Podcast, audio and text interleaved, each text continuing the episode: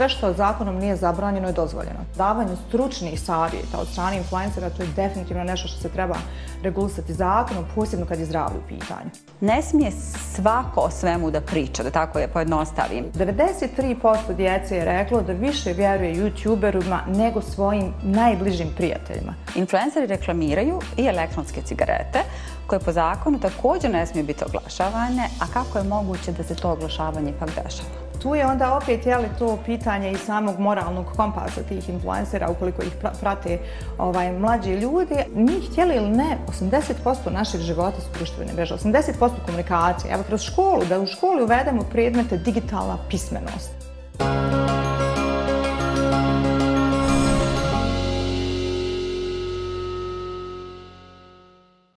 Moja današnja gošća je Janeta Šiton ili Jenny, moja saradnica i prijateljica koja je između ostalog i pozitivni krivac, jeli što sam ja prisutna na društvenim mrežama.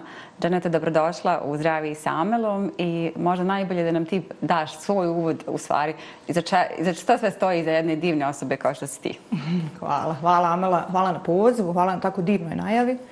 Um, ja sam nekako ovaj, tako sretna da si ti počela ovaj podcast i da možemo pričati o izazovima zdravlja iz različitih aspekata, posebno iz aspekta društvenih mreža, jel, koje su postale jako bitne u svim našim životima. Uh, ja sam inače iz Sarajeva, rođena sam i odrasla u Sarajevu i uh, ovdje sam uh, dakle, upisala pravni fakultet, završila ga u inostranstvu, magistrirala pravo, magistrirala management, a sada se bavim marketingom i društvenim mrežama. I zapravo moj put uh, u svijet marketinga i Glow Hunters Media agenciju koju sada imam jeste počeo kroz pravnu analizu izazova društvenih mreža jeli, i uh, samog influencers marketinga, tako da ovaj, uh, mislim da, da je nekako cijela ta priča se sklopila na kraju i evo sad smo tu da raspravljamo zajedno, diskutujemo o tim nekim najvažnijim temama. Tako je, i ako smijem preći da i podcaster, tako da, evo, da, jeli, mi smo, pod, mi smo kolege podcasteri, jeste. o tome ćemo i kasnije. Da. A, možda za, krenemo za početak da nam kažeš da li možemo bez društvenih mreža i digitalnih medija danas i zašto su nam one stvari jako bitne? Pa da, to je to vječno pitanje. Ja gledam na društvenim mrežama kada ovaj ljudi pričaju, kažu kako je bilo prije super, kako nam te društvene mreže sada smetaju, da. kako Zapravo desio se tehnološki razvoj jeli? i sam razvoj tehnologije nam je donio novi načine komunikacije i mi ne možemo nazad. Jeli? S jedne strane želimo i da ekonomija jeli, privreda i da to sve ide naprijed sa tehnologijom, tako ide i komunikacija. Tako, tako da zapravo mi ne možemo bez njih i zapravo se moramo pripremiti da će one postati još kompleksnije, da će naša komunikacija postati još digitalnija zbog samog načina života koji imamo brzog lifestyle-a, kakav nismo imali prije, ali zbog razvoja tehnologije. Tako da je sada više pitanje kako se uhvatiti u koštac sa novim načinom komunikacije, kako bi je um, regulirali i dobili uh, zaštitu javnih interesa, jeli? što uvijek jeste uh, zadatak prava, tako. ali isto tako kako bi iskoristili, jer mi nikada nismo imali ovakve mogućnosti koje imamo danas, za razvoj biznesa, za razvoj karijere, za širenje dobrih ideja, za okupljanje ljudi oko dobrih ideja projekata i na kraju krajeva i na uticaj na javno mišljenje jeli, svakog od nas, što donosi i određenu odgovornost sa sobom. Da, ono stvari što ti, e, često meni si znala reći, zašto u samom uvodu sam ja rekla da si ti krivac, što sam ja na socijalnim i društvenim mrežama, Jer ako nismo tu, mi ne postojimo. Jednostavno, današnji svijet, koliko mi to htjeli prihvatiti ili ne, želi sve da ima ovaj, na dodir prsta i jednim klikom da dođe do informacije ove ili one vrste. Da li ona edukativna, senzacionalistička, društvena, Tako. kulturološka ili slično, ali ljudi zaista žele instant informacije. Zato i sami jeli, i Instagram i imaju te instant poruke, instant uh, definicije. Po defaultu su oni vrlo uh, brzo nekako komunici, brzo komuniciraju s nama kao korisnicima, a s druge strane mi koji jeli, stojimo iza informacija moramo biti vrlo svjesni kako to formulšimo na koji način. Tako da jeste jedna interesantna sfera, mislim, pogotovo kad je u pitanju zdravlje. Um, Kako je inače razlika između pravne uh, regulative influencera, uh, influencerskih marketing, marketinške uh, ovdje i u inostranstvu? Znam da postoji razlika. Mm -hmm. Ti to često meni opet vraćam se koliko mm -hmm. ti često pričaš o tome i na svojim društvenim mrežama, ali zaista ono što je meni interesantno da je vrlo ovdje neregulsano, ali evo tebi da ostavim prostora da nam to malo bolje objasniš. Da, tako je. Pa influencer su jedna nova pojava. Jeli? Mi kad smo uh, dobili tu demokratizaciju medija, u stvari došlo je do toga da smo uh, postali svi mediji mediji, da smo dobili mogućnost da budemo mediji. Vi danas otvorite profil na Instagramu, dijelite neki sadržaj, ako taj sadržaj zanima ljude, puno ljudi će vas pratiti i vi ste onda mediji. I u inostranstvu se dešava to da su, naravno, zakonodavac je to prepoznao i posebno izvršni organi su to prepoznali inspekcijski, jeli? I kada su se pojavili influenceri, oni su ih jednostavno karakterizirali kao novi mediji i proširili su pravnom analogijom, jeli, upotrebu i zakona o medijima i zakona o zaštiti potrošača i na same influencere. Tako da vi u inostranstvu, influencer mora jasno označiti da li je plaćena saradnja, da li je dobio poklon, da li postoji ikakav, jeli, financial incentive a, za njega ili nju da ima određeno mišljenje o određenom produktu. I a, kazne su jako velike, mm -hmm. inspekcijski nadzor je jako strog, da. A, posebno prednjaču u tome Velika Britanija i Njemačka, ali i ostale države i a, to se nekako jeli svodi i sa evropskog nivoa. U regiji, koliko sam ja upratila, toga nema. Pratim jako puno influencera. Glow Hunters Media se bavi influencers marketingom. Čak sam dobila informacije da je to i nepoželjno od strane određenih brendova koji, s druge strane, u, recimo, to su možda globalni brendovi koji istu tu obavezu poštuju u inostranstvu. Dobro. Ovdje se to provlači što dovodi do velikog nepovjerenja prema influencerima, što ih nekako svrstava u neku jako, kako rekla, sumnjivu kategoriju, što nije fair, jel? Tako Mnogi je. od tih ljudi dijele jako korisne sadržaje, međutim, e, isto tako nekako postoji taj stidljiv pristup. Ti ja pričamo čisto o tome, jer ti si jedan od rijetkih influencera u regiji e, koji označava svaku objavu, koji, koji gdje tačno znamo da li je objava sponzorsana ili nije. I time e, pokazuješ poštovanje prema svojim pratiocima. Isto tako i brendovi za koje radiš pokazuju poštovanje prema svojim kupcima. Tako jer onaj sadržaj koji ti dijeliš treba sam po sebi da bude garant garant tvog nekog kredibiliteta, vjerodostojnosti i svega. I onda ako, naravno, e, svi ljudi žive od novca, jele, ako ti potpišeš neki ugovor o saradnji sa e, nekim brendom, to radiš zato što stojiš iza tog produkta i da li je taj produkt plaćen ili nije, ne bi trebalo da predstavlja razliku. Nekako kod nas e, influenceri misle da ukoliko označe saradnju, čak i brendovi to nažalost misle, da niko neće vjerovati da će to izgledati kao reklama. Da, da. A, tako da, da mislim da, samo kod, da je kod nas samo potreban taj pošteni inspekcijski nadzor, ali isto tako mislim da je potrebno i širenje znanja među kompanijama i među influencerima šta to zaista znači i da im to može samo e, donijeti nešto dobro. Pa da li misliš onda da je to do do influencera, ajde kažemo, tih ljudi koji e, propagiraju ili plasiraju sadržaj bilo koje vrste, da su oni nekako svjesno ignorantne te činjenice, jer znamo, evo, što, kao što ti kažeš, što je vrlo dobro regulisano u dosta država svijeta, fokusirat ćemo se na evropsko tržište, a kod nas, znači regionalno, neću reći bosansko-hercegovičko tržište, regionalno, biraju da takve stvari ne stave jer misle da šta, da time se prodaju brendovima ili, mislim, uvijek mi je to malo čudno kad vidim da ljudi, a znamo da, da je kupljena uh, ovaj, saradnja i da, je, jeli, da su dobili novac za takvu vrstu informacije koju plasiraju. Tako je. Pa mislim da postoji velika doza ignorancije, jer znamo to da ja pričam o tome već godinama, ovaj, analizirala sam e, sve moguće zakone, sve pravne pretpise i tako i ja čisto komuniciram sa njima direktno i um, ne postoji zainteresovanost kod većine njih, ali uh, ono što oni ne shvataju jeste da uh, oni imaju odgovornost prema svojim pratiocima. To je jedan dugoročan projekat gradnje povjerenja Tako. i neka saradnja možda koja, koju će oni sakriti, koju će oni upakovati u nešto, će samo baciti sjenu na čitav njihov sadržaj, jer će onda se ljudi pitati, ne znam, ako sam ja sada, ovaj, ne znam, popila neku flašu vode i rekla svojim pratiocima, ja, ova voda mi je stvarno dobra, nikad nisam bolje upila, on će se uvijek pitati da li je ova voda nju platila da to kaže ili nije. I zato imamo sve te negativne komentare u medijima o influencerima. Meni je to zaista tužno jer ne možemo generalizovati, ne možemo reći influencer su loši a ne možemo onda, on, kad, jel, kad se desi neka ili, ili prirodna katastrofa, kada se skuplje neki novci, kada, onda ih koristimo kao mediji i kažemo, eh, influencer, dajte, Tako podijelite to. Znači, moramo biti pravedni prema njima, ali mislim da i oni sebi tu a, zaista ne prave uslugu time a, što nisu transparentni. Influencerske saradnje su nešto sasvim normalno, a, oni su mediji, u, u inostranstvu postoje agencije koje se samo bavi influencers marketingom i to treba normalizirati, to nije nikakav tabu, tabu i nije ništa što što trebamo zaista sakrivati. Upravo to, mislim da je to, treba to okrenuti na pozitivnu stranu kao što jeste vani od svih poznatih glumaca, pjevačica, pjevača, celebrities po svijetu, zaista svi imaju plaćena sponzorstvo za različite brendove. Na kraju šta vidimo na reklamama, na posterima, u časopisima vidimo e, glumice, glumce koji reklamiraju sadržaj neke vrste. Da li je to sat, parfum, kozmetika. Oni su influenceri prije influenzira na društvenim mrežama. Dakle, to je sasvim normalno i prihvaćeno i očekivano jer su to prepoznatljiva lica. Tako. Isto tako, ako prepoznajemo lica na socijalnim mrežama, da li je to Instagram, Facebook, e, YouTube, nebitno, želimo da znamo da ta osoba zaista A je, je li validno tu, da priča jednu lijepu priču za koje stoji, je li svojim dijelom, svojom filozofijom, svojom ličnošću i tako dalje. Tako da, mislim da tu upravo to treba skinuti stigmu sa takve vrste komunikacije, da prihvatimo influencere i da radimo na tome da oni mogu i trebaju da komuniciraju na zdraviji način sa svojim korisnicima.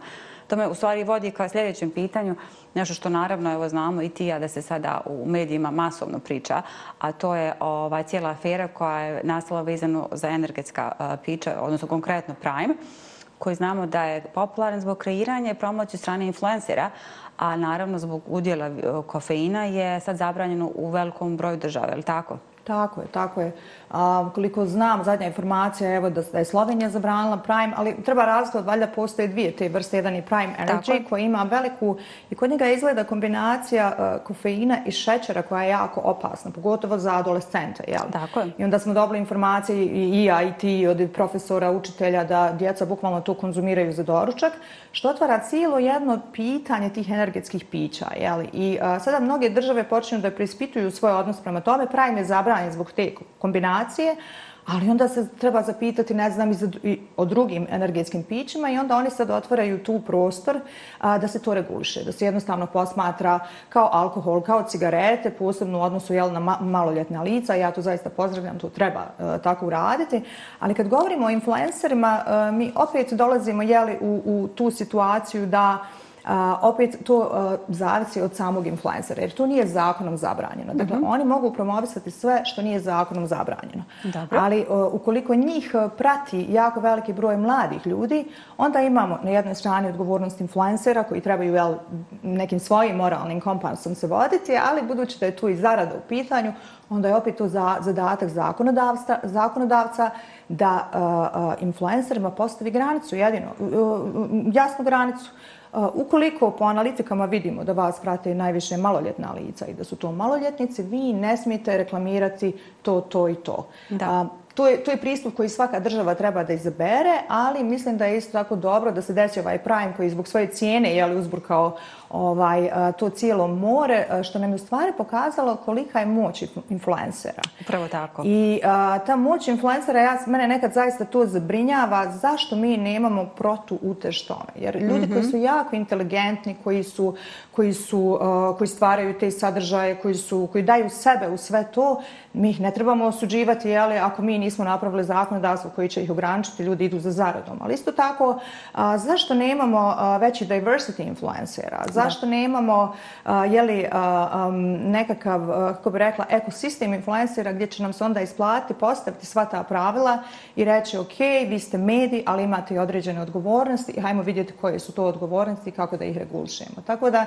a, mislim da je ovo, mislim, ako ima išto dobro u ovome, jeli, sada, onda je to da je stvar nekako u žiži javnosti sada mm -hmm. i da zaista treba sa pravnog aspekta posmatrati taj problem i uh, nastojati ga riješiti unutar jel, svake države. Biće zanimljivo evo šta rade ovaj, moji Slovenci gore, jeli, a šta mm -hmm. rade i Hrvati, a, kako će sve te evropske a, države to uređivati i kako će se onda stvoriti taj neki standard koji sigurno možemo onda slijediti mi.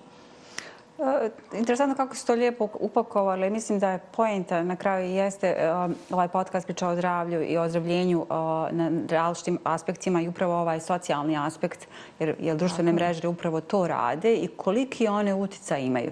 Jer evo, možemo mi pričati, pisati u novinama, pričati u školama, ali dođe jedan influencer jedan jeli, youtuber, jeli, mislim da su u pitanju engleski uh, uh, youtuberi koji su napravili ovo piće, koji su iskoristili jeli, svoj sadržaj, popularnost i napravili energetsko piće, kao što neke glumice naprave svoju liniju garderobe ili svoj Tako parfem, je. izađu na tržište i kažu evo, ja sam lice, ja sam kreator sadržaja. E sad, uh, upravo to koliko evo ja gledam kao nutricionista sa strane zdravlja, jako bitno, da definišemo ili neću reći, napravimo restrikcije, ali sigurno da ne smije svako o svemu da priča, da tako je pojednostavim.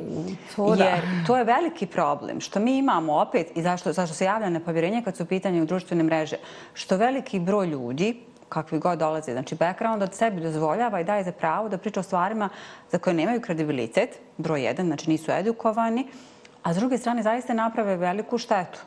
Jer evo, prosječno dijete, tinejdžer, znači govorimo o konzumaciji ovih pića koji se dešava među mlađom populacijom ispod 18 godina, konzumiraju nešto što je jako štetno, nesvjesni znači efekata na njihovo zdravlje, skupljaju te boce jer imaju različite boje, formate ili što li već, školama znamo ti ja, čuli smo tu informaciju, se prodaju, pogutljaju, djeca ne mogu priuštiti nešto košta 9, 10, 11 ili 12 maraka, samo kako bi djeca probala, kako bi bila in, kako bi bila prihvaćena društveno.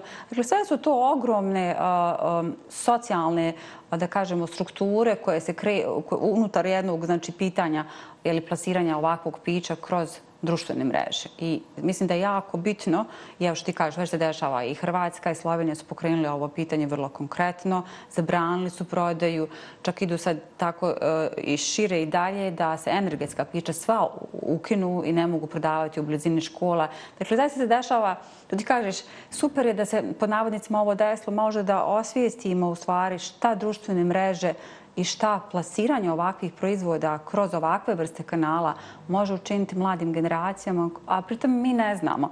Što kažu, evo ja sam jutro slušala, pričam sa jednom ženom, ovaj, vi date djetetu, jeli, pocket money, date mu jeli, džeparac da kupi sandvič i kiflu. Mi ne znamo što će ono s tim novcem da uradi. Dakle, ono može otići kupiti zaista taj sandvič, neku kiflu, ali to tako može kupiti energetsko piće. I ovaj, jeli, završiti sa visokom dozom a šećera, onda kofeina, L-teanina, aminokiselina koje znamo da u kombinaciji, kao što ste već rekla, zaista mogu imati vrlo štetan efekt kada mogu dovesti do, do aritmije, e, do nesenice, do ovaj, frustracije raznih vrsta Tako. koje mogu dugoročno imati posljedica na, na zdravlje. A mi to nesvjesno, odnosno uslovno rečeno, ne znamo, jer evo, edukacija za roditelje. Moramo vidjeti što naša djeca, što, ko su ljudi kojima oni daju svoje, ajde kažemo, prostor na društvenim mrežama.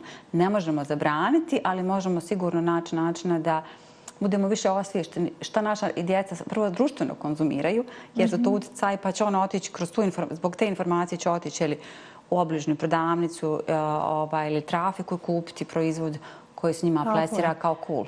Tako je. Znaš šta, što se tiče samog jeli, nastanka pića, sve što zakonom nije zabranjeno je dozvoljeno. Tako da, da. ovi youtuberi su to jako smišljeno uradili. Mm -hmm. Ta kombinacija, ja sam baš e, čitala sad kad sam se pripremala za ovaj intervju malo više o tome, ta kombinacija kofeina i šećera je very addictive. Tako. Veoma, veoma je ovis, ovisnička. Jeli? Tako je. I ovaj, uh, to je kao cijela industrija šećera. Jel? Ima jako puno tih aditiva, ti pojedeš jednu čokoladu, daj još jednu, daj još jednu, daj još jednu, zato imamo jel, pretilost. E tako su oni to kreirali. Oni su kreirali to da se prodaje. Tako I tu su oni jednostavno iskoristili taj prostor. E sada ovaj, sve kreće iz porodice. Jel? Mi u, u, u okviru porodice a, moramo razgovarati sa djecom a, ko su ti ljudi koji oni prate, a, šta je zdravo, šta nije zdravo i nekako onda tu naći prostor da svako utiče na svoje djece da, ovaj, a, da ne pije ta pića. Ali a, same influencere također treba ograničiti, ali kada se radi o tom što si rekla o tim nekim, a, kako bi rekla, davanju stručnih savjeta od strane influencera, to je definitivno nešto što se treba regulisati zakonom, posebno kad je zdravlje u pitanju. Da. A, ne znam, raznorazni bolesni, neko je smršao s nekom djetom, pa on sada će napraviti program od toga, napravit će grupu koju će naplaćivati ljudima ulaz u tu grupu i a, sutra da se nešto desi, Tako. A, mi nemamo, i, i to u zakonu nije jeli, regulisano je u odnosu na um, ove neke odnose Tako koje smo imali prije, ali u odnosu na digitalne odnose, da li to onda pravnom analogijom, jel, da koristimo isto ove zakonske odredbe, samo ih širimo ili su neke nove zakonske odredbe, ali nemoguće je da, ne znam, ja sad lupam, ako neki influencer pokrene neku dijetu i nekom se nešto desi, mm -hmm. ovaj, to niko nije kriv. Da, da, da jednostavno niko može se malo dići prašine na društvenim mrežama, ali mi moramo imati uh, pravnu odgovornost svi za ono što, jel, kao što smo sada dobili i tužbe za klevetu na društvenim mrežama i uh, sve to sada, sada, se, sada ne možete sjeti za tastaturom i raditi nešto bez posljedica, jeli, uh, skrnaviti nečiji ugled i tako, tako dalje. E tako isto nam treba i za ovo. I zaista moramo to uzeti jako ozbiljno, jer radili su prije možda desete godina istraživanje ovaj, oko youtubera, mislim da je bilo u Engleskoj ili u Americi, i pitali su 93% djece je reklo da više vjeruje youtuberima nego svojim najbližim prijateljima. Znači, pričamo o istoj generaciji, da. jer, znate, oni uzmu vrijeme, oni su, vi otvorite telefon, mi non stop scrollamo svi na, to, jel, na tom telefonu, otvorite, on je kao vaš najbolji prijatelj. Ej, čao ljudi, kako ste, šta radite, ja sam danas radio ovo ili ono, uh, vidio sam ovo, i, i, jednostavno, polako, ali sigurno oni se uvlaču u naše živote, jel? I, i, i zato je influencers marketing jedan, jedna od najuspješnijih metoda u marketingu zato što mi te ljude uh, osjećamo kao da ih znamo. Pa evo ti znaš i ti si influencer, jel srećeš nekoga na ulici ko te prati, on će tebe izgledati, izljubiti kod da smo najrođeniji, a ti, mislim, nemaš, jel, ne, ne možeš sve znati. Tako. Jednostavno je to način da se uvučemo ljudima u njihove kuće, u njihove domove i a, da utičemo na njih. Tu se može, naravno, pričat ćemo i o tome, jel, iskoristiti na pozitivan način, Tako je. ali postoje i negativne posljedice koje su a, a, zadatak zakonodavca da a, nekako uredi i da dovede u neki pravni okvir, kao što smo, Bože drage, doveli sve u pravni okvir, jel, što Tako smo je. prije, svaka etapa ljudskog razvoja na kraju dobila neki pravni okvir i pravo uvijek slijedi društvenim promjenama. Tako da, mislim da je sada vrijeme da malo slijedi i ovim najnovijim. Apsolutno se slažem. Mislim da je konačno vrijeme da i pravne strukture ovaj, dođu u malo intimni dodir sa jel, društvenim mrežama i regulacijama i regulativama. Jer ja sam evo, lično svjedok čitajući, jer moram i trebam, zato što sam ovaj, sama na društvenim mrežama i plasiram sadržaj tu, koliko ljudi je prisutno sa razno raznim informacijama iz raznih oblasti. Zaista, jel, meni je naravno zdravstvo i ovaj, e, ishrena i zdravlje, široke pojam, pa tu ima svega i svačega. Ali mislim da um, ono što vidim recimo kod kolega u Americi, u Engleskoj, koje ja intenzivno pratim i koji su po struci meni bliži puno, ovaj, uh, puno je bolje regulisano i puno bolje definisano. Tako je. Ono što recimo, ne znam, neka američka celebrity će uzeti neki suplement ili neku hranu, vrlo je to korektivno u smislu da će ona reći to radi za mene i ja imam ovakve rezultate. Tako. Ali nikada nikoga neće povući reći, znate šta, jer ona jako dobra ta osoba, da li to žena ili muškarac, je svjesna da postoji nešto što su o, zdravstvene implikacije. Čak i zdravstveni radnici koji su na društvenim mrežama će vrlo reći ovo nije savjet, ovo je informacija, a za zdravstveni savjet obratite se jeli, stručnoj osobi tako kako je. biste dobro... I lijekove tako prodaju na Upravo, jer mislim, farmaceutske firme. Tako je bila čitava afera kod nas, sigurno se upratila sa onim čajem za mršavljenje, koji isto tako, tako po društvenim mrežama krenuo. Ljudi su masovno počeli da kupuju i imali ozbiljne zdravstvene posljedice. Mislim, govorimo o posljedicama koje su trajale mjesecima, čak i više od godinu dana. Tako da ljudi vrlo nes, da kažem, ne, neosviješteno pristupaju tim informacijama koje dobijaju, a s druge strane oni koji jeli, te informacije o, komuniciraju su, ne mogu reći, e, nesvjesni, jer ipak daš, kad daš informaciju, ti imaš, moraš imati nivo odgovornosti za tu informaciju. Kako je. god da ona formata, postoji nivo odgovornosti. Upravo što ti kažeš, morat će se desiti neka forma pravne legislative koja će to dovesti u red. Jer ovako je to zaista nekako očilo u neke kontekste koji, evo mi kao konzumenti, mi koji to gledamo i slušamo i naša djeca, je, postoje malo, moram koristiti riječi, zastrašujuće zaista i, i, ja se nekad bojim pomisli šta sva ta, rećemo, djeca, jer pričamo o energetskom piću, konzumiraju jeli, kroz društvene mreže i šta, kako to utiče na njih. Ne samo danas, nego dugoročno šta, kako će posljedice... Šta dolazi? Da, kako će ostati posljedice na njih. Kad smo kod toga, druga stvar koju ti i ja smo ovih dana baš komentarisali jesu duhanski proizvodi i naravno jedno zanimljivo pitanje. Influenceri reklamiraju i elektronske cigarete koje po zakonu također ne smiju biti oglašavane, a kako je moguće da se to oglašavanje ipak dešava?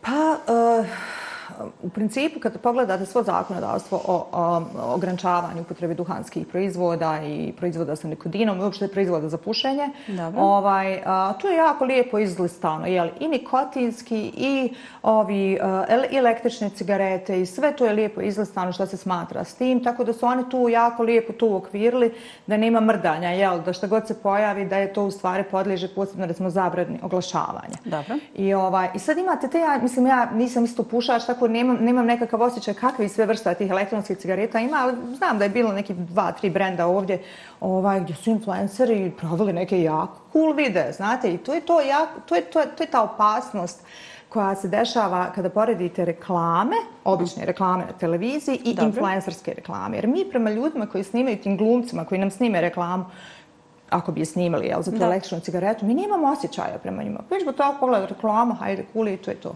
Ali kad neko koga mi cijenimo, volimo, gledamo ga svaki dan, pa on se tako kulerski pojavi s tom cigaretom, oblaku, dima, onako, kao što su recimo u 50-im jel, reklamirali prave duhanske proizvode, Tako pa je, pa je pola svijeta počelo pušiti. Tako. E, tako se sad to kao, to je kao zdravo, to je sad super, to je cool, to nisu cigarete, to su elektronske cigarete i a, također su istraživanja su porazna da, da a, prvo a, jako je lako to nabaviti kao maloljetnik, ali i za punoljetnike se to kao smatra sada neka vrsta zdravije varijante pušenja. I ovaj i što se tiče reklamiranja od strane influencera u svakoj državi to treba o tome treba voditi računa inspekcijski nadzor. Ja. Dobro. Ukoliko toga nema, onda opet dolazimo do ovog problema o kojem smo pričali prije.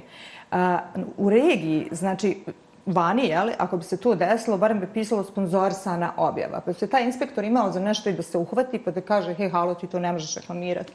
Kod nas nema te obaveze, tako da ti možeš, što bi narod rekao, bacat grah, da li je to sad sponzorsano ili da li ta osoba to sama jeli, konzumira i predstavlja kao cool. I ovaj, um, tu je onda opet jeli, to pitanje i samog moralnog kompasa tih influencera ukoliko ih pra- prate ovaj, mlađi ljudi, ali isto tako uh, tu se onda influenceri mogu snaći na raznorazne načine. Jel, ako ste vi kom, um, vlasnik kompanije, Dobro. ovaj, vi se možete odgovoriti, e, tu nije dozvoljeno da se reklamira, ali ja ću se prav da ja pušim.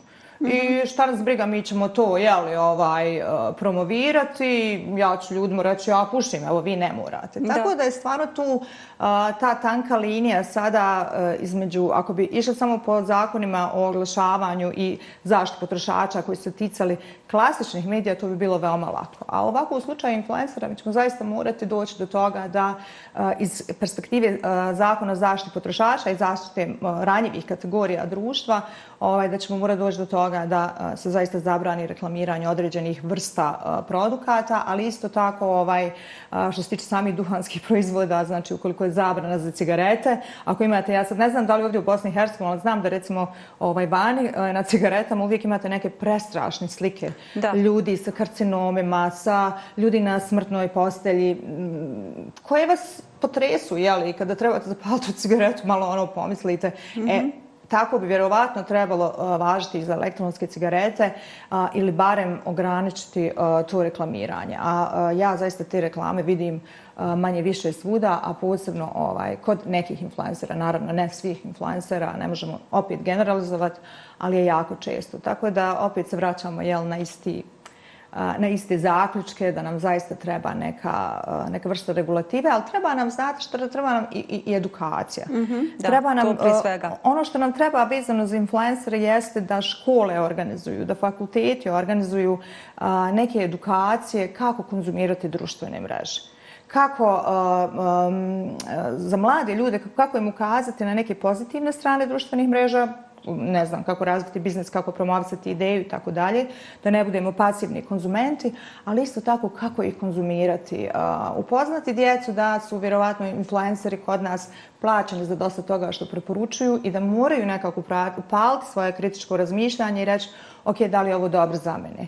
Ili ukoliko, ne znam, neko ko ima 16-17 godina pije to energetsko piće, da zna da na profilima poput svog i ljudi koji su obrazovani ili, ili doktora ili uh, raznih ljudi iz, iz medicinske jel, struke, da može saznati, ok, idem ja kod one Amelije vidjeti što ona kaže o tom piću.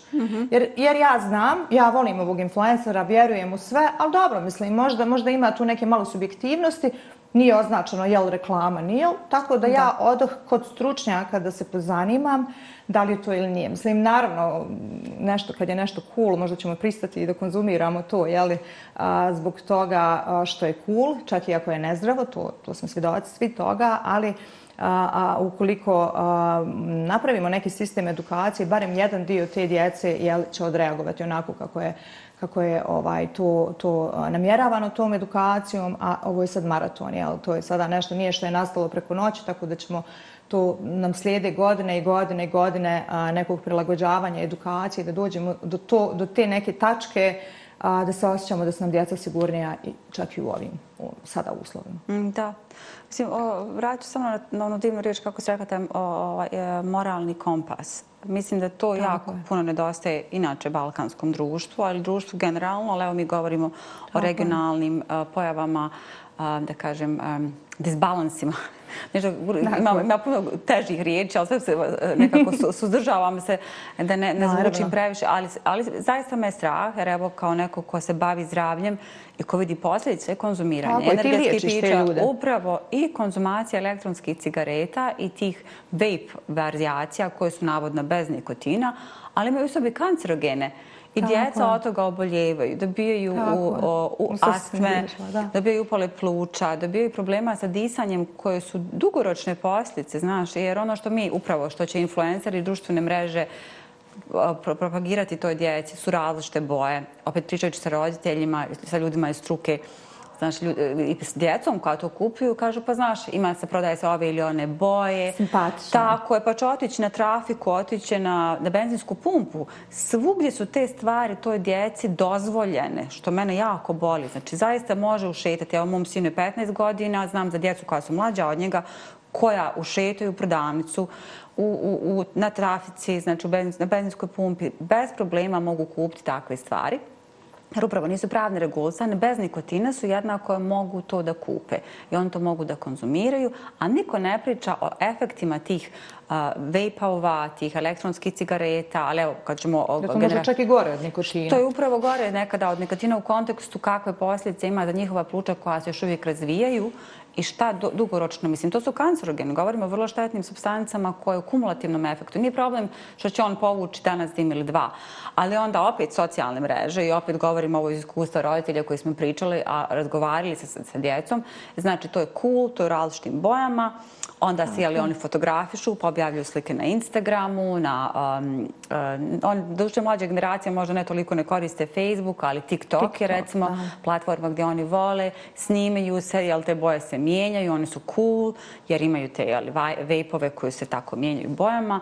I zaista je to za mene poražavajuće da mi genera... Ali to su, govorimo o djeci i roditeljima koji su obrazovani, koji su osviješteni, da kažem, koji nisu neko, ljudi koji će tek tako lako o, preći preko takve stvari. Vrlo često i ne znaju da im djeca to konzumiraju, jer se to konzumira jeli, u školskim dvorištima, na nekim privatnim rođendanima, zabavama, na sleepoverima i slično apsolutno nesvjesni šta se dešava iza leđa. Mislim, ka, evo, kako ti kad gledaš na takve stvari, kako, kako, kako, kakav savjet da damo roditeljima? Ti i ja smo majke, e, znamo šta je izazov biti roditelj na toliko drugih nivoa. Ali evo kad su socijalne mreže i društvene mreže, recimo, kako reći, čekaj malo, povuci ručnu. Ili imamo li načina da, da imamo uvid šta to oni gledaju? Ako je moguće. Pa, to sve zavisi od odgoja. Jel? jel da? Svaki mm -hmm. roditelj ima svoj um, neki pristup, neko ima malo više utjecaja na djecom, neko ima manje. Treba biti realan, zna da roditelji jako puno rade, jeli, um, nekakav nam je takav brz životni tempo, jako je teško pratiti šta to oni sve tamo klikaju. Ali isto tako mislim da nam po, da, da imamo neku, kako bih rekla, disbalans sadržaja na društvenim mrežama. Dobro. Imamo, um, ja, ja, ja uvijek to kažem, mada to ovaj, uh, uh, zvuče ograničavajuće, ja kažem uvijek, volim da nam više dobri džaka budu influenceri. Mm. Po tim dobri džaka, ne mislim neko ko ima petce. Da, da.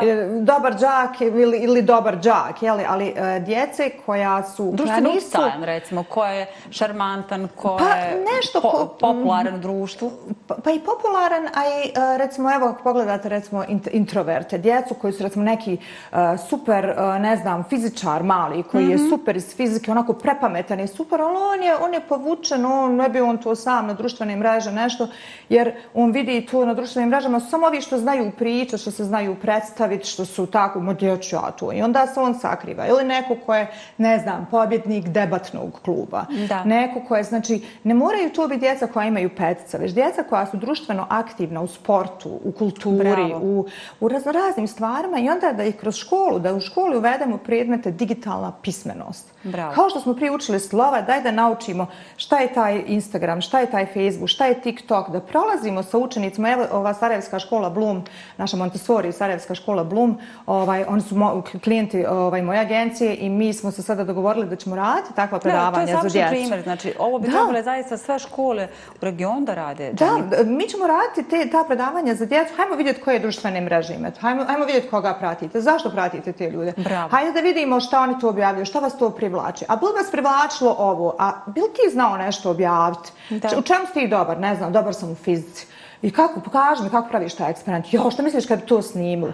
Pa kad bi tvoja raja, tvoja generacija iz drugih škola, jer svi radi po istom kurikulumu, jel? Tako je. Da stvorimo jednu, uh, mislim da je problem da su društvene mreže tabu. Da ti roditelji sam nekako čekaju joj da hoće vala proći ove društvene mreže, da, djeca, da se djeca vrate, da. da se sankaju, da, da idu, da budu vani cijeli dan. Tako smo mi odrasli, ali one, on, drugo je vrijeme došlo i moramo se snaći kao roditelji u tom vremenu, ali posebno kao obrazovne institucije. Obrazovne institucije moraju uvesti digitalnu pismenost u školu i da onda djeca, da, da, da je fizičar, ali ja sam ufatila fizičara najgore, ja sam bila iz fizike, ali evo, misli će ljude forsiram fiziku ili ne znam, ili geografija, historija. ili jezice, neko ko, ko je dobar u jezicima, pa da ja raj sad reći kako najlakše da nauče ovo nešto neki za ovaj ispit. Jeste, jezički, neki tako je.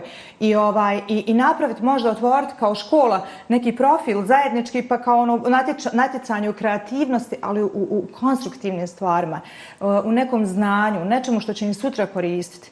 I onda idemo dalje, onda dolazimo recimo do fakulteta, jel, do srednjih škola. A, a, oni već imaju druge izazove, oni već imaju kao i neke biznis ideje, oni imaju a, nešto kad završe srednju školu, šta bi oni, kako bi, jeli, pa da se možda te ideje prezentuju. Pa onda ih počnu ljudi pratiti, jeli, koji to zanima, njihova neka generacija. Naravno, za, za, za mlađu djecu uvijek pod nadzorom roditelja. Jel, ovaj, ne treba djecu gurati u društvene mreže same, treba to raditi pod nadzorom. Znači, taj trokut se mora uspostaviti između škole, roditelja i učenika da se ta digitalna pismenost digne na viši nivo i da onda vidimo šta mi možemo s tim. Zamislite kakve bi imali influencere za 10, 15 ili 20 godina gdje, gdje, gdje bi imali priliku da pratimo različite ljude. I ovim influencerima dajemo mjesto, naravno, oni su tu, ali isto tako i neki malo drugačijim. I da onda vi, jedno dijete sutra ima priliku nekog izbora, jer sada nema toliko izbora. Ta influencer su nekako, naravno ima izuzetaka, ima super, super izuzetaka, ali je nekako to više ono, e, šta sam kupila, šta sam jela, šta sam pila, gdje sam bila i tako dalje. Nema nekog a, prevelikog dijeljenja znanja u toj generaciji. Već kad idemo, jel, malo mi stariji, pa, a, jel, mi smo izgradili naše biznise preko društvenih mreža, jer smo okupili ljude koji te, taj sadržaj zanima, ali nekako da je to prenijeti i na srednje i na osnovne škole, a onda, jel, i na fakultete, ovaj, gdje isto tako postoji taj neki tabu oko društvenih mreža, kao ono, ma ne mogu ja to kao kakav ja i društvene mreže, ono, a recimo možda bi njemu neko ko sada studira i um, divi se nekim firmama, radio bi za neke firme, pa zašto ne otići na taj LinkedIn, napraviti profil, povezati se sa potencijalnim poslodavcima, pratiti koji su izazovi industrije. Tako Jer ovo što, što, što, što studenti uče u knjigama, svijet je tako brz da knjigu koju si izdao danas sutra je zastarjela. Tako je. I ti moraš pratiti, se moraš uvezati i to je jedna zaista, zaista divna prilika i evo ja se nadam da a, će svi a, slijediti i primjer Bluma i evo ja već razgovaram ovdje sa nekim našim fakultetima tako da ima, ima sluha za to ali mislim da moramo o tome više pričati, ne bježati od tih društvenih mreža, već ih ovaj, s jedne strane regulisati kako bi zaštitili javni interes, a s druge strane otvoriti nekakav čitav spektar mogućnosti koje nam nude, koji naši roditelji nisu imali, pa čak ni mi, jel? Tako kad, smo, ovaj, kad smo mi bili u školi, kad su bili još fiksni telefoni. A čekaj, poslije, pa mislim, evo, počeli smo tako što sam te rekla, ti krivac što sam ja na, na društvenim mrežama. Ja nisam. Za mene je bilo Instagram, Facebook je bio u početku, ako se sjećaš ti naravno isto kao i ja, to je bilo se povežeš sa ljudima iz prošlosti, sa drugarima drugaricama iz osnovne i srednje škole, jer si izgubio kontakt s njima, da s porodicama podijeliš fotografije, gdje si bio, šta si radio. I onda je to prelasalo nešto više, slijedio Instagram, gdje smo svi nekako objavljivali fotografije omiljene hrane, nekog godišnjeg odmora, nekog zalaska sunca. I onda, to je sad sve koliko godine prolazi, Mislim, ne znam uopće koliko je to sve postoji na tržištu, ali preraslo nešto puno ozbiljnije. I evo, vraćamo se na sve ove uticaje, i kad je pitanje energetska pića i konzumacija cigareta i tako dalje i tako dalje. Koliko je to jedna ozbiljna priča? I mislim da ono što i ti pričaš i za čega stojiš i profesionalno intimno jeste ozdravljenje društvenih mreža. Mi njih zaista možemo i trebamo ozdraviti. Koriste se, htjeli mi to ili ne, ima super puno benefita, tako da moramo imati zdravi pristup socijalnim, odnosno društvenim mrežama. A to je ono od čega dosta ljudi bježi. I ti ja smo svjedoci, neko će ja, ne, ne, ne, ne, kao to je tamo ono neki tamo crna rupa ako uđe unutra, ja se više ne izlazim iz nje, a u biti može biti edukativno, može biti pozitivno, može biti afirmativno. Da, znaš da, ja, ja stalno tu nešto za, za zadnje vrijeme razmišljam, evo kad se desi ove neke velike katastrofe, evo da. sad, da li su politički događaje, da li su prirodne katastrofe, šta god ali onda nekako Um, ljudi su uh, manje više izgubili malo uh, povjerenje prema medijima. Jel? Izgubili su povjerenje u objektivnost medija, a onda uh, na društvenim mrežama im se nudi puno toga. Mm -hmm. I ja danas uvijek tako kažem, ako misliš da imaš neku dobru ideju, ako misliš da imaš nešto da kažeš, tvoja društvena odgovornost prema idućoj generaciji je da to komuniciraš da jednostavno postaviš neku, da budeš dio tog balansa koji trebamo da uspostavimo. Jer um, mi, mi htjeli ili ne, 80% našeg života su društvene mreže, 80% komunikacije. Evo sad, ako ćeš, uh, ne znam, sa nekim se dogovoriti, dogovorit se putem telefona, nećeš ti ići nekome, uh, nećeš nekoga, kad ćeš stres nekoga na ulici, sve Tako. je digitalno, jele? A društvene mreže su naš medij. Da. Znači, ti ćeš otići na Facebook, tamo ćeš saznat vijest. Nećeš otići, ne znam, na, na neku stranicu, utipkat www, pa ćeš otići tamo da vidiš šta su objavili, već ćeš vidjeti na društvenim mrežama. E tako onda sa tim, sa tim objavama se miješaju objave i ljudi, i influencera, i stručnjaka. I, a onda imamo jeli, te stručnjake koji, koji su zaista stručnjaci, koji su mm -hmm. zaista uh, veliki ekspert u onome što rade, koji jednostavno neće da prihvate tu realnost, ono kao, ma ne, ne, ne, neću, a to ja tu nešto objavim, pa ko hoće nek pročita, ne postoje pravila kako se to uh, promoviše i uh, treba uh, zaista opismeniti sve generacije i posebno stručnjake. Ja da. kad vidim kakvi stručnjaka ima i kako... Kvazi stručnjaka. Da. A, kak... a drugi stvari, koji oni da. koji bi trebali da komuniciraju, tako ne je, komuniciraju. Tako je. Mislim, teško je ono, ja kažem uvijek treba malo i ti kad pratite na društvenim mrežama, kad nekoga pratite, trebate otići pogled malo čime se taj čovjek bavi.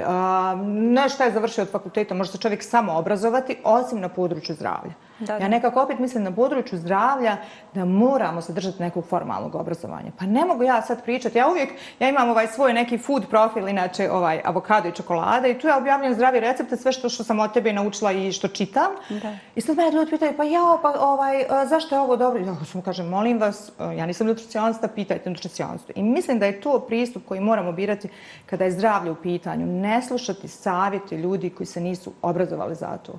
Jer ne možemo se, možemo se mi možda samo obrazovati, ali to, kako bih rekla, stakes are too high. E, daćete nekom savjet, razbolit će se, ne daj Bože desit će se nešto gore. E, dakle, mora postojati taj neki formalni proces obrazovanja kroz koji idete, a i to, isto tako i ljudi kada e, biraju šta da konzumiraju, ok, ako prate modu, mogu pratiti bilo koga, ali ako prate zdravlje, zaista treba ovaj, pratiti ljude koji su zaista stručnjaci. To je ono što u stvari nekako i stvara jedan nivoj na povjerenje. Tako što ti kažemo, često ćemo to prokomentarisati ljudi iz svih oblasti, ali pogotovo kad su u pitanju znači, zdravstvene nauke, da ljudi kroz neko svoje lično iskustvo, kako ko daje, i svaka čast svakome u smislu da je ozdravio, da je bolje u nekom smislu, da je progresiju napravio, čak i da je napravio digresiju pa priča o tome je li imao loše iskustvo zbog ovog ili onog konzumiranja ovakve ili onakve hrane ili izlaganja nekom suplementu ili, ili dijeta. Vrlo često su, jeli, dijete su naravno popularna tema uvijek i zauvijek zato što su instant djeluju kratkoročno.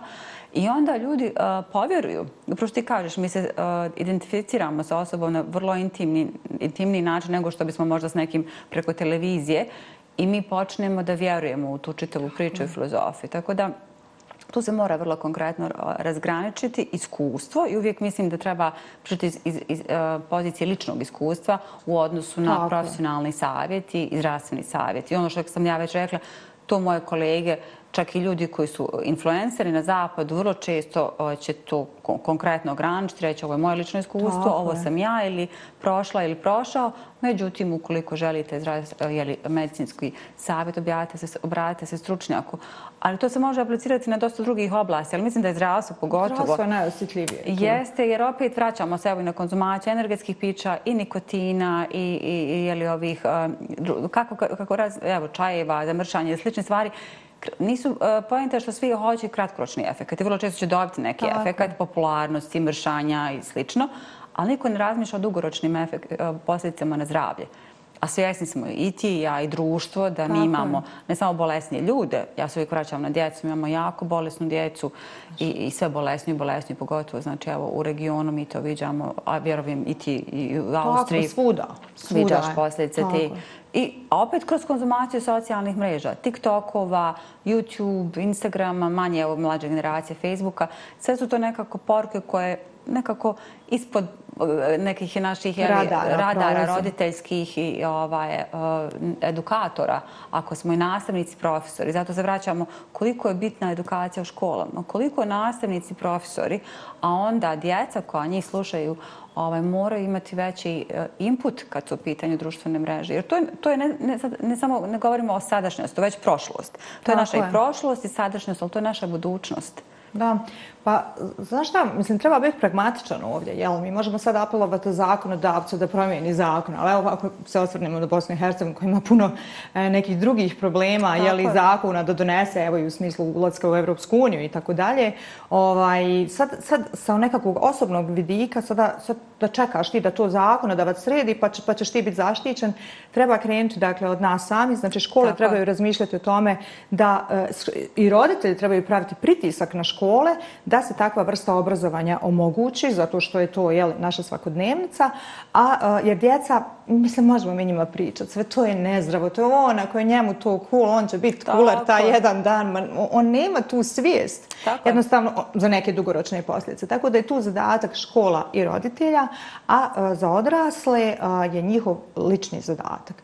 Znači, njihov lični zadatak da kada konzumiraju sadržaje koji su osjetljive prirode, da li je to zdravlje, da li je to odgoj djece, da, da li je to neko, rekao bi, hendlanje nekih poteškoća u razvoju djece, da jednostavno da se moraju držati stručnjaka, da sami odu, da provede kredencijale tih stručnjaka i da donesu svjesnu odluku, ok, ovu osobu slušam u vezi s tim, ili ovih nekoliko osoba, a ne mogu svi znati sve. Ne, mogu, ne, ne može jedan influencer imati komentar na sve i znati sve o svemu, bez obzira koliko dobronamirno bio. Jer taj sadržaj je obično dobronamiran, ali može napraviti veliku štetu. Pa naravno, mislim da svi pristupaju u društvenim mrežama. Mislim da po defaultu svi žele dobro. Svi naravno. koji se pojave na društvenim mrežama rade to da bi ajde da kažemo, ja, ja želim da vjerujem, možda ću ja okrenuti. Pa u većini slučajeva, U većini slučajeva želimo da, ovaj, da, da nekako širimo do, do, dobre informacije, da edu, educiramo. Ne zaboravimo da veliki broj ljudi je tu i naravno imamo i profit element. I kao što sve reklame na svijetu funkcionišu, jeli, moramo sva da postoji marketing i marketinška industrija koja funkcioniše na tom principu, Aha. komunikacije proizvoda i plasiranja proizvoda na tržište. Tako da, treba regulisati. Mi imamo, što kao što rekla, mi imamo čak jako dobre zakone koje nisu primjenjive. Ja to dobro znam kad je pitanje i proizvodnja hrane, i regulisanje ova, aditiva, i šećira i slični stvari koje se dešavaju kad je pitanje ova, hrana koja se plasira ljudima na, na policama supermarketa.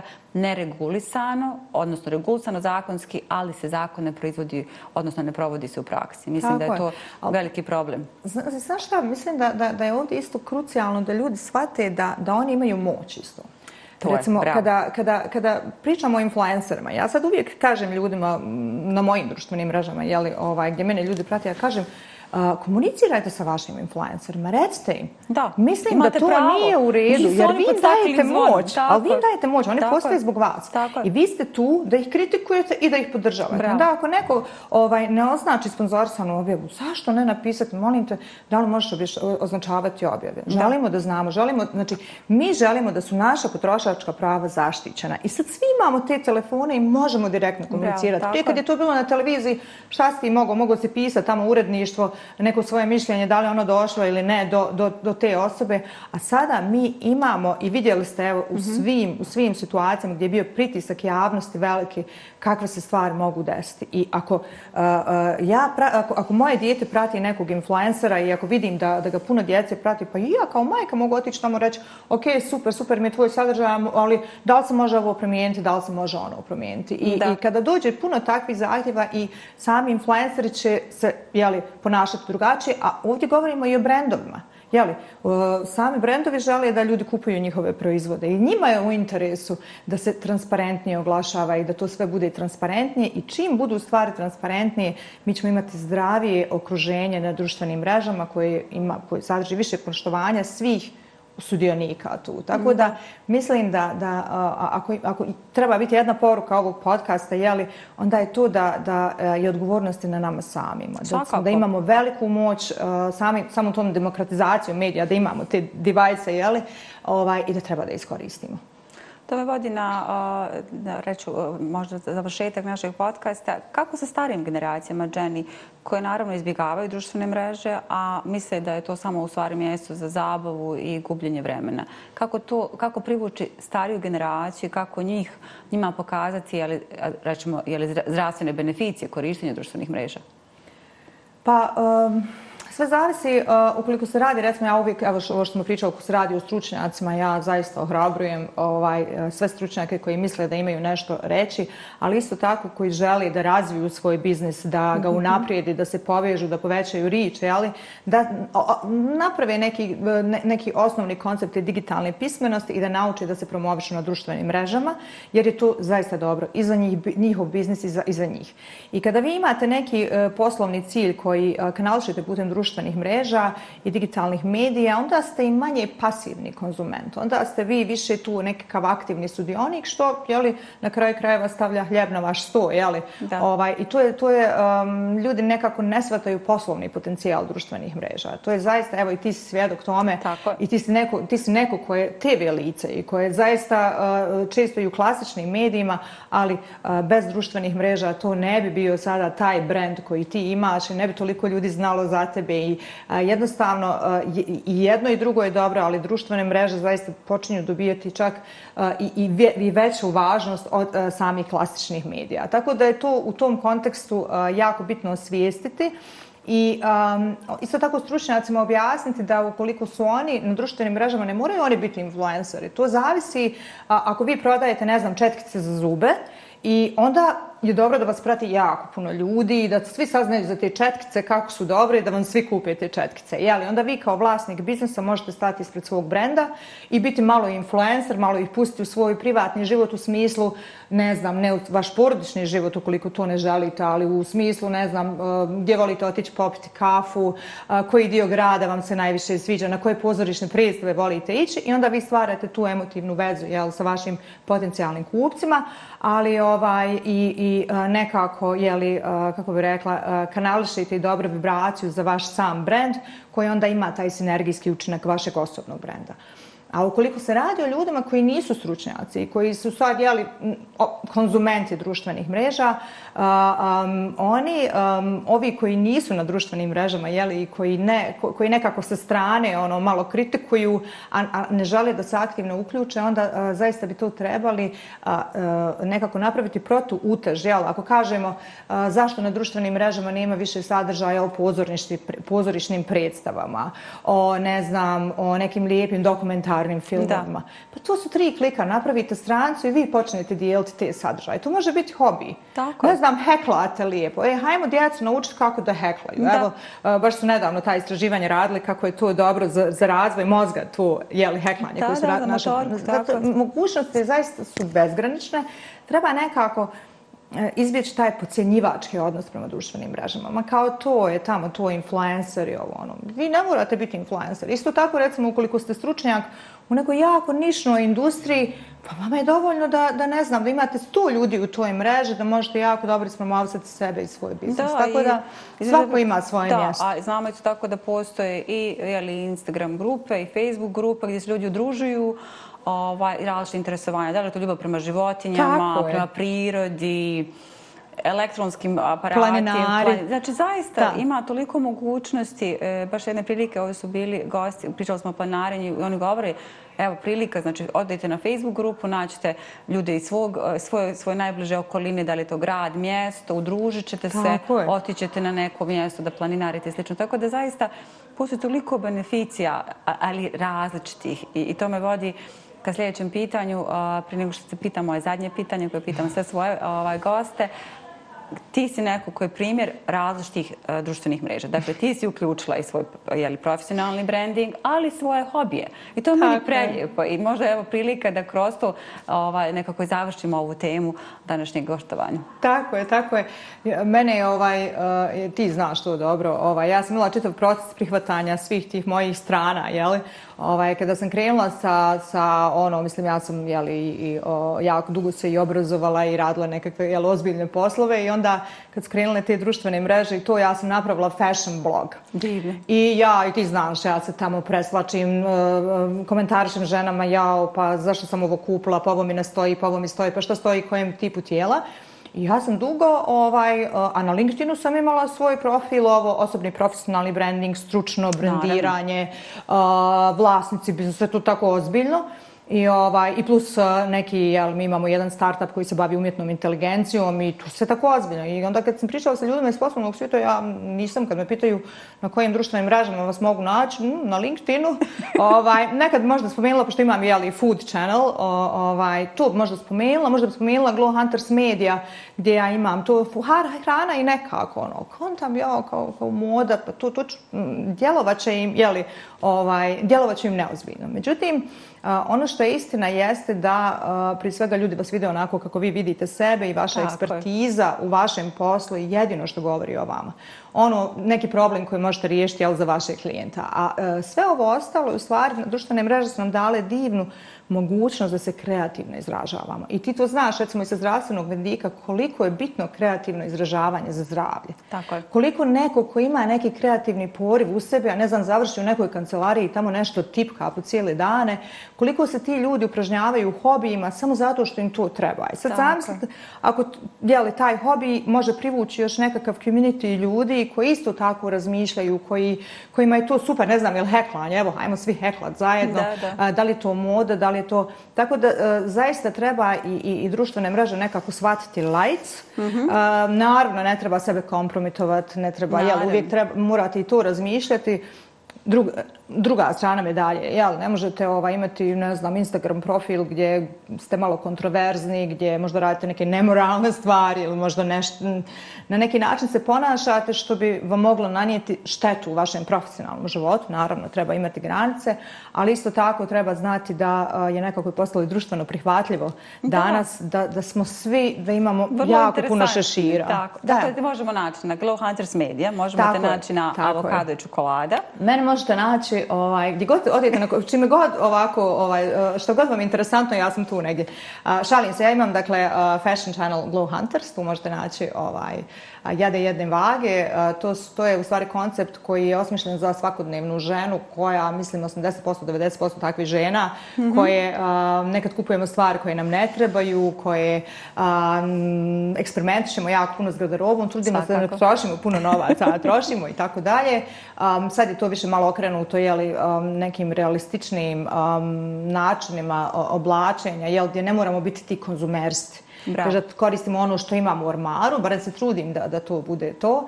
Avokado i čokolada je food channel gdje ti isto igraš veliku ulogu, ti si dežurni nutricionista tamo ovaj, koji nam uvijek daje objašnjenja za sve i to je zaista um, jedan profil gdje ne, pokušavamo naći nekakav balans između avokada kao nekog sinonima zdrave hrane i čokolade kao sinonima neke nezdrave hrane. Da.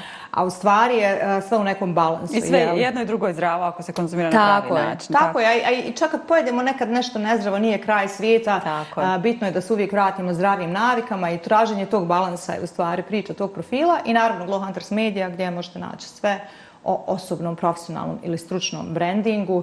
A, dakle, za vlasnike biznisa i CEO-e koji žele u stvari stvariti taj sinergijski učinak društvenih mreža i, i povećati a, nekakav rič svog biznisa i ta, samim time prodaju proizvoda i usluga. Tako da, evo, to, to, su, to, to su neki od mojih šešira, ovaj, a, barem ove koje možete naći na društvenim mrežama. Možete naći na LinkedInu, Jenny, ili tako? Tako je, tako je. Na LinkedInu ovaj, možete vidjeti i ostale, ostale stvari kojima se bavim.